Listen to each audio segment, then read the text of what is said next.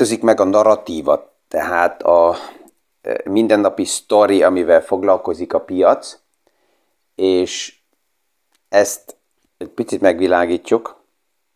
Mi is aktuális pénzpiaci témákról, összefüggésekről beszélgetünk. Gazdaságról érthetően János Zsoltal. Üdvözlünk mindenkit a mai PFS Kávézac podcaston.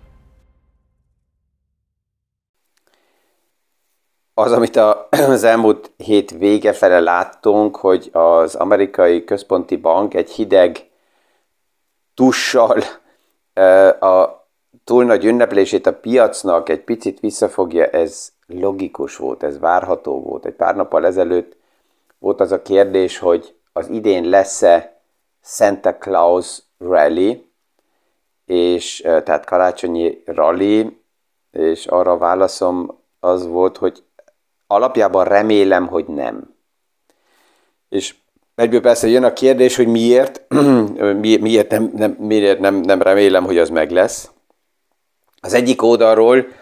mindegy, hogy mi mit remélünk, és mindegy, hogy mi a kívánságunk, a tőkepiac az általában nem egy kívánság koncert szerint játszodja a sztorit, és a másik, amit tisztán kell látni, hogy az amerikai központi banknak és általában a központi bankoknak pillanatnyilag nem a parti hangulat, a motiváció, mert főleg Európában nem annyira egyszer, egy, egy, egy, erősen, de Amerikában az inflációnak egy oldala, egy lényeges oldala nagyon erős kereslet, és hogyha partizik a tőkepiac, akkor jó a hangulat, ha jó a hangulat, magas a kereslet, magas a kereslet, akkor az árak tovább fennmaradnak, az infláció fennmarad, tehát további kamatemelés szükséges, és már ez a kijelentés, hogy uh, ugye az ultra uh, konzervatív uh, oldalról a Balat igazgató nevét már ismerjük, és az idén egy párszor róla beszélgettünk, amikor általában arról volt szó, hogy ki a Fed igazgatósági körébe a legradikálisabb, és a legjobban akar fékezni, akkor Ballat mindig ott van, és belő Ballat hinein, és, és azt mondja, hogy 5 és 7 százalékig kell esetleg a kamat emelkedjen, a piac pillanatilag beáraz 4,5-öt maximum.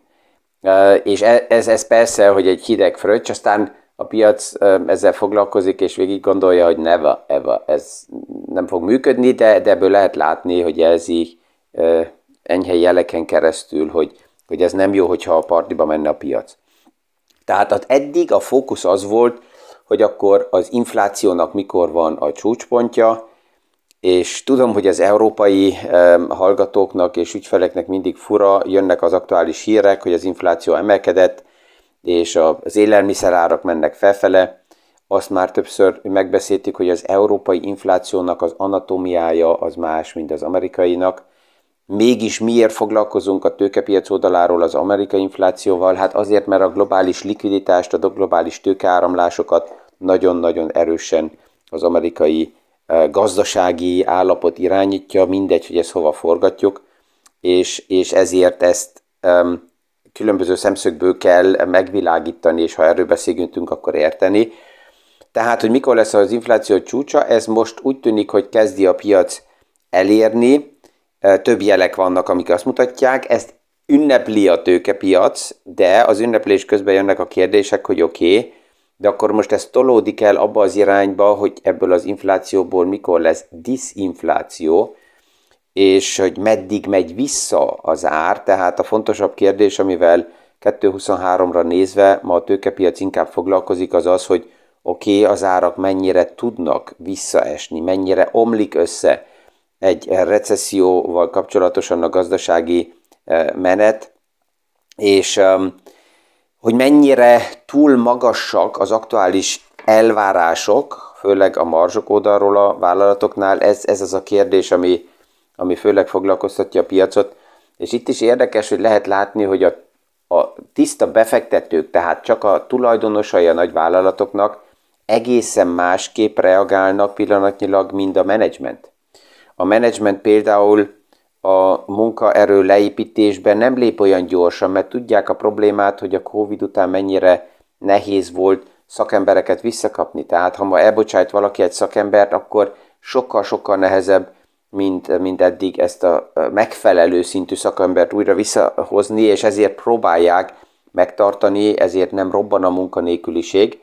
de például csak a stratégiai befektetők azok követelik azt, hogy a költségeket csökkentsék, és ezt nem csak kisebb cégeknél követelik be, hanem nagyobbaknál is. Most aktuálisan TCI, egy nagy hedge fund, amelyik 6,5 milliárd dollár értékű csomagot tart Alphabetba, tehát Google-nál, azt jelentette ki, hogy elvárja a Google Managementtől, hogy a fix költségeket csökkentsék, és a személyzeti költséget csökkentsék, ez azt jelenti, hogy bocsátsanak el embereket. Mert miért? Hát azért, mert a stratégia befektetőnek, vagy csak a tiszta befektetőnek um, az érdeke az, hogy megmaradjon a mars. Kész. Erre sokszor jönnek az emberek, és azt mondják, jó, de hát meg kell érteni, hogy nem lehet mindig a marzsot. Persze, hogy lehet, és, és ez mindig az a kérdés, hogy kinek hol mi az érdeke, és mikor az emberek így azt mondják, hogy de hát meg kell érteni, hogy, akkor csak emlékeztetem a befektetőket arra a kapzsi szemszögre, ami mindenkiben benne van, hogy um, mikor nézi a, a, a hozamot, és felteszi a kérdés, hogy akkor mennyire jó ez a befektetés, ez mit hoz nekem, és annak ellenére, hogy ilyen-olyan a gazdasági helyzet, nekem még szerencsém van, és én sokat kapok, haha, akkor megdicsérik magukat, de hogy ez nem véletlenből jön, hanem ezt valaki valahonnan ki kell termelje, valami lépések ezért meg kellett történjenek, ezzel ugye nagyon sok befektető nem nagyon foglalkozik, de mikor így a, a, a szociális szövegeket kell kidobni, akkor, akkor nagyok, és azt mondják, hogy ja persze, hát kell érteni, és nem lehet elbocsátani az embereket. Tehát a, a, a, az elbocsátások azok tovább fognak menni, Twitternél így is, úgy is, ugye erről többször már beszéltünk, um, ott um, Elon Musk így a machétával uh, megy végig a személyzeten, és um, őrület, hogy, hogy őt mit csinál, tehát itt ezt lehet látni, hogy a, a seni és az őrület között, az őrült között a, a határ nagyon-nagyon szűk, um, most az egyik legnagyobb média agentúra, Group M figyelmeztette az ügyfeleit, hogy Twitternél ne reklámozzanak. Tehát vonuljanak vissza. Két héttel ezelőtt Elon Musk uh, zsarolni kezdte az ügyfeleket, és azt mondta, hogy fenyegetézése, hogy ha valaki visszavonul, akkor ez neki nagyon rossz lesz. És az érdekes az, hogy ezen az oldalon itt káoszba viszi a céget, amelyiket túl drágán megvásárolt, és a másik oldalon pedig SpaceX-nél egy olyan évben, mint 2022-ben a vállalatnak az értékelését az év elején 125 milliárdról emeli 50 milliárdra, és aktuálisan pont egy tőkegyűjtési um, a, projektből jön vissza, tehát itt lehet látni, mennyire, mennyire, mennyire szűk ez a határ, amelyiken ő uh, mozog. Az infláció jelek, hogy mennek vissza, ezt több oldalról lehet látni, ugye Kínából is az ingatlanok ára 7 éve, 7 éves mély szintre esett vissza, Dél-Koreába esnek az ingatlanárak, Ausztráliába csökkennek az ingatlanárak. Tehát több helyről lehet látni már azt, hogy az infláció jelek uh, mennek visszafele, és, és meg, megjelenik. Az a kérdés, hogy meddig fog ez visszazuhanni, és újra és újra hangsúlyozom, hogy eddig recessziók véletlen vagy váratlan helyzetekből történtek meg, mert valami volt, gazdaságilag, ami nem volt tervezve, és ezért a recessziót azután likviditással a központi bankok tudták kezelni. Ez a, ez a recesszió, ami most úgy tűnik, hogy jön, jönni fog, mert ugye még mindig nem tudjuk, hogy jön, mert nem látjuk, hogy a gazdaságnak mennyire erős az állapota az aktuális recessziónak, amit, amit várunk, és ami, ami jönni fog, ennek más az anatómiája, mint az eddigieknek, és a kérdés az, hogy ugyanazokkal az eszközökkel hogy fog sikerülni ezt, ezt a recessziót majd kezelni. Ami így ezen a héten sem marad el, mert a hétvégén tovább is a témák megvoltak, az a kriptovilágból az FTX körüli dominó kockáknak a, a, a bomlásai, és kiderül, egyre jobban, ahogy ez, ez szedődik szét, és lehet látni, hogy milyen irányba dőlnek a dominó kockák, hogy, hogy a, az FTX az egy dolog, de ami sokkal lényegesebb, az a leányvállalata, az Alameda uh, Hedge Fund,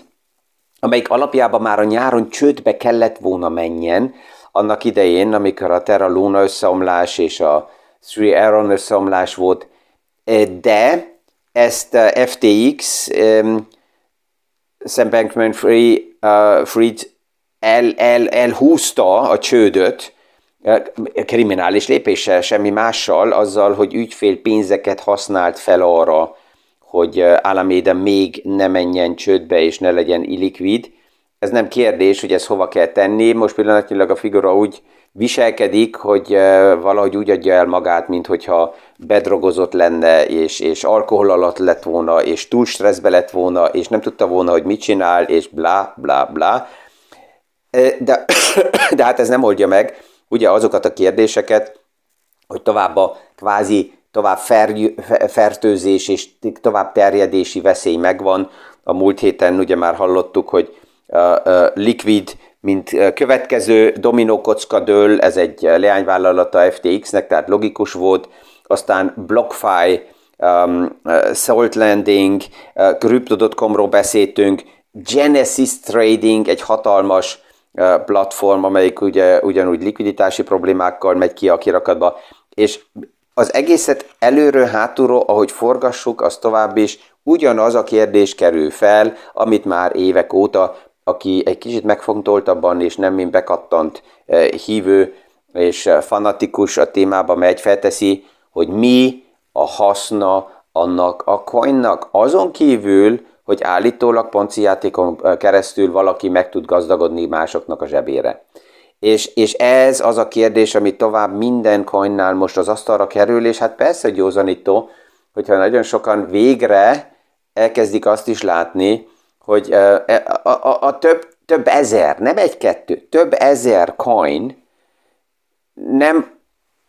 azzal az ötlettel jött létre, ami lehet, hogy valamikor a bitcoinnal egy alapötlet volt, hogy decentralizáltan és transzparensen és lekövethetően és manipulációk nélkül jöjjön létre a blockchain technológiára épülő eszköz, hanem egy az egybe a fiat rendszernek a, a, a, a, a, az anatómiáját tették át egy nem transzparens, technikailag túlzott, illegális, kriminális mozgási rendszerekbe, és most csodálkodnak, hogy ó, és nincsen meg az a nagy mentőháló, ami a fiat rendszernek megvan, egy Fed és egy központi bank, és azt mondani, hogy hát de mi nem csináltunk mást, mint csak ugyanazt, mint a fiat rendszer, ja, ja, csak a nagy uh, mentő ernyő nélkül, és uh, kész, túl. Ennyi az egész. Tehát tovább is a kérdés, hogy hol van valójában a haszon, és itt ezt még tovább fogjuk nézni, hogy egyelőre dőljenek nyugodtan a, a dominókockák, és, és azok, akiknek megvan a likviditásuk, hát azok várják és mosolyognak, és azt mondják, hogy oké, okay, megnézzük, hogy mire, mire van haszon, és majd egy dolláré szimbolikusan esetleg megvásároljuk. Az, aminek értéke van. Amivel most foglalkozik a piac, az az, hogy Michael Széla, ez egy nagy bálna, ugye nagy bálnáknak nevezik a kripto univerzumban azokat, akik nagyobb pozíciókat tartanak, és akik ma látjuk azt is, hogy néha pont ezekkel a nagy pozíciókkal kreatívan a mérlegeket itt-ott um, likviditással is esetleg ellátták. Van egy pár olyan, amelyik csendes, és csak kijelentette, hogy oké, okay, megvan a nagy pozíció, ezeket uh, hedgen keresztül um, akár hitelekből finanszírozták, és hol vannak azok a határok, amikor jön a margin call, és amikor, ha tetszik, hanem el kell adni. Michael Saylornél körülbelül 3500 dollárnál van ez a határ, tehát, és ki van zárva, hogy addig visszamennek az árak? No. A kérdés az, hogy még egyszer ebből a több mint, több, több, több ezer coinból milyen gyorsasággal megy ki a pff, levegő, ki mekkora fájdalommal nézi aktuálisan a mérlegeket, ki mekkora likviditással rendelkezés és kell hozzanyúljon, vagy nem. Tehát ez így tovább egy kicsit foglalkoztatni fog, néha így kitérünk a podcastoknak erre, mert, és, és csak azt kell mondjam, hogy érdemes figyelmeztetni az embereket is, csak azért, mert valaki influencer, és egy pár influencernek még érdekes jogi sztoria lesz, Um, itt Európában nem olyan gyorsan, de a modelleket Amerikába át fogják venni. Uh, van egy pár influencer, aki például érintett volt abba, hogy vesztett először is, az egész összeomlásba. Az élén van ugye Tom Brady és Giselle Bündchen, akik ki is mentek, és FTX-ek megoldásaira reklámoztak, és jó páran most őket támadják, és azt mondják, hogy én ezt azért vettem meg, te, mert te kimentél és a kirakatba voltál. Ők saját maguk is be voltak és investáltak és vesztettek. És még egyet érdekes azért tudomásul venni a szabályzott világba, ez, hogy valaki kimegy és valamit, valamit reklámoz, és ezzel árfolyam manipulációt okoz, mert ő is érdekelt az egészbe, és ő előre már investál, tehát klasszikus úgynevezett frontrunning-gal, tehát ő előre investál, azután kimegy a kirakatba, jön a tömeg, a tömeg felhajtja az árfolyamot, és ő ebből profitál. Ezek, ezek büntethető um, lépések a szabályzott világba, és persze, hogy ezt egy pára most hirtelen, mikor az árfolyamok rossz irányba mennek, akkor kézbe veszik, és itt követelések már el is indulnak, pereken keresztül, tehát csak azért, mert valakinek sok követője van, azért az még nem azt jelenti, hogy érti is ahhoz a dumához, amit így mond, és véleményem szerint pont ezért a piacnak ma,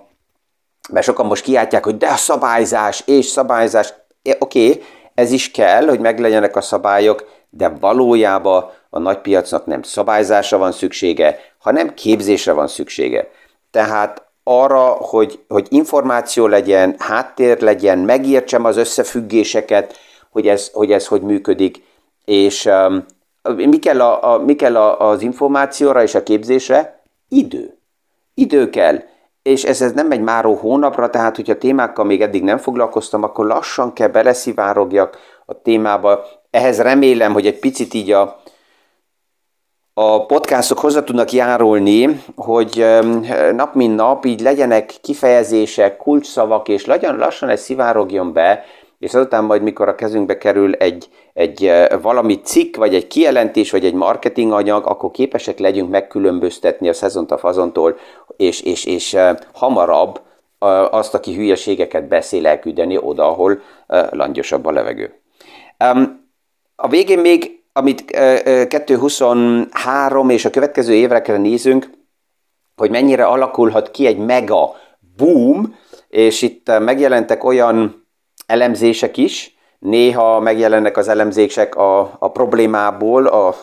a nyomorból, hogy valahova lehessen menekülni, és az egyik, aki ezt így most kihozta, arra tudom, hogy ez kemény, de egy picit emlékeztetett, hogy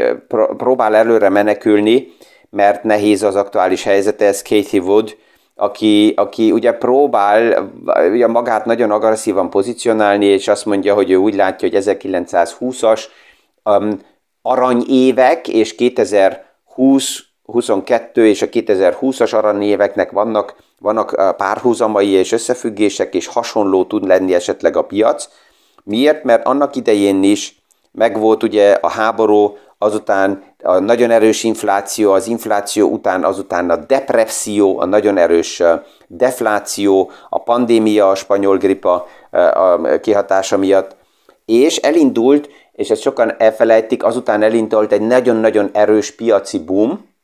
tehát, hogyha megnézzük az inflációt, ami főleg az amerikai piacot érintette, így a 20-as években, akkor látjuk, hogy 17, 18, 19-ben havi szinten az inflációk robbantak így fel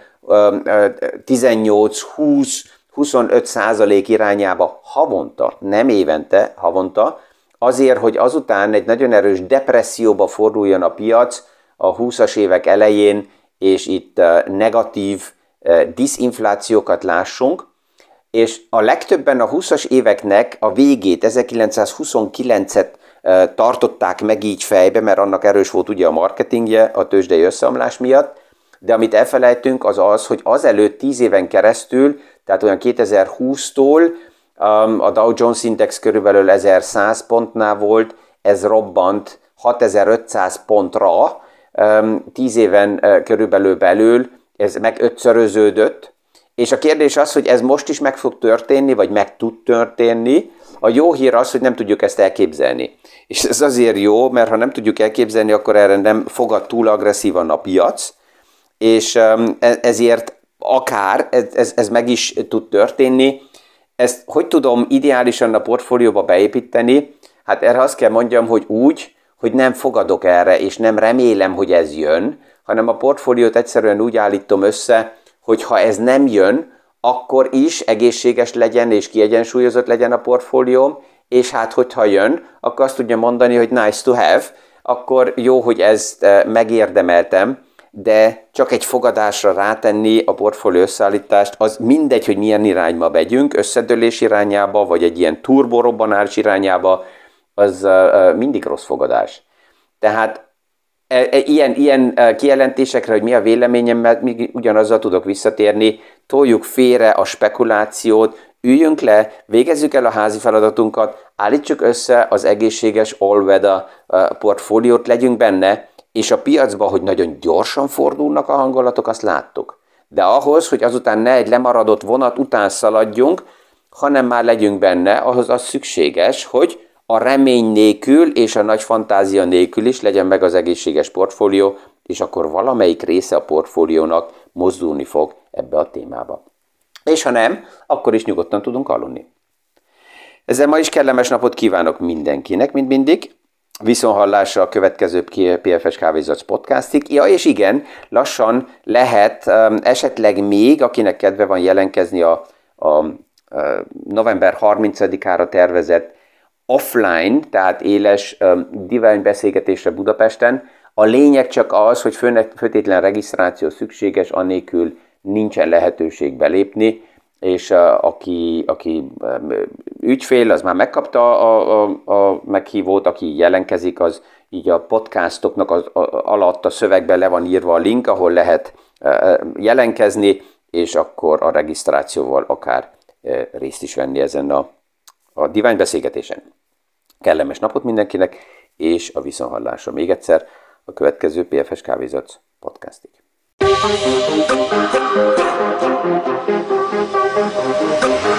Yeah.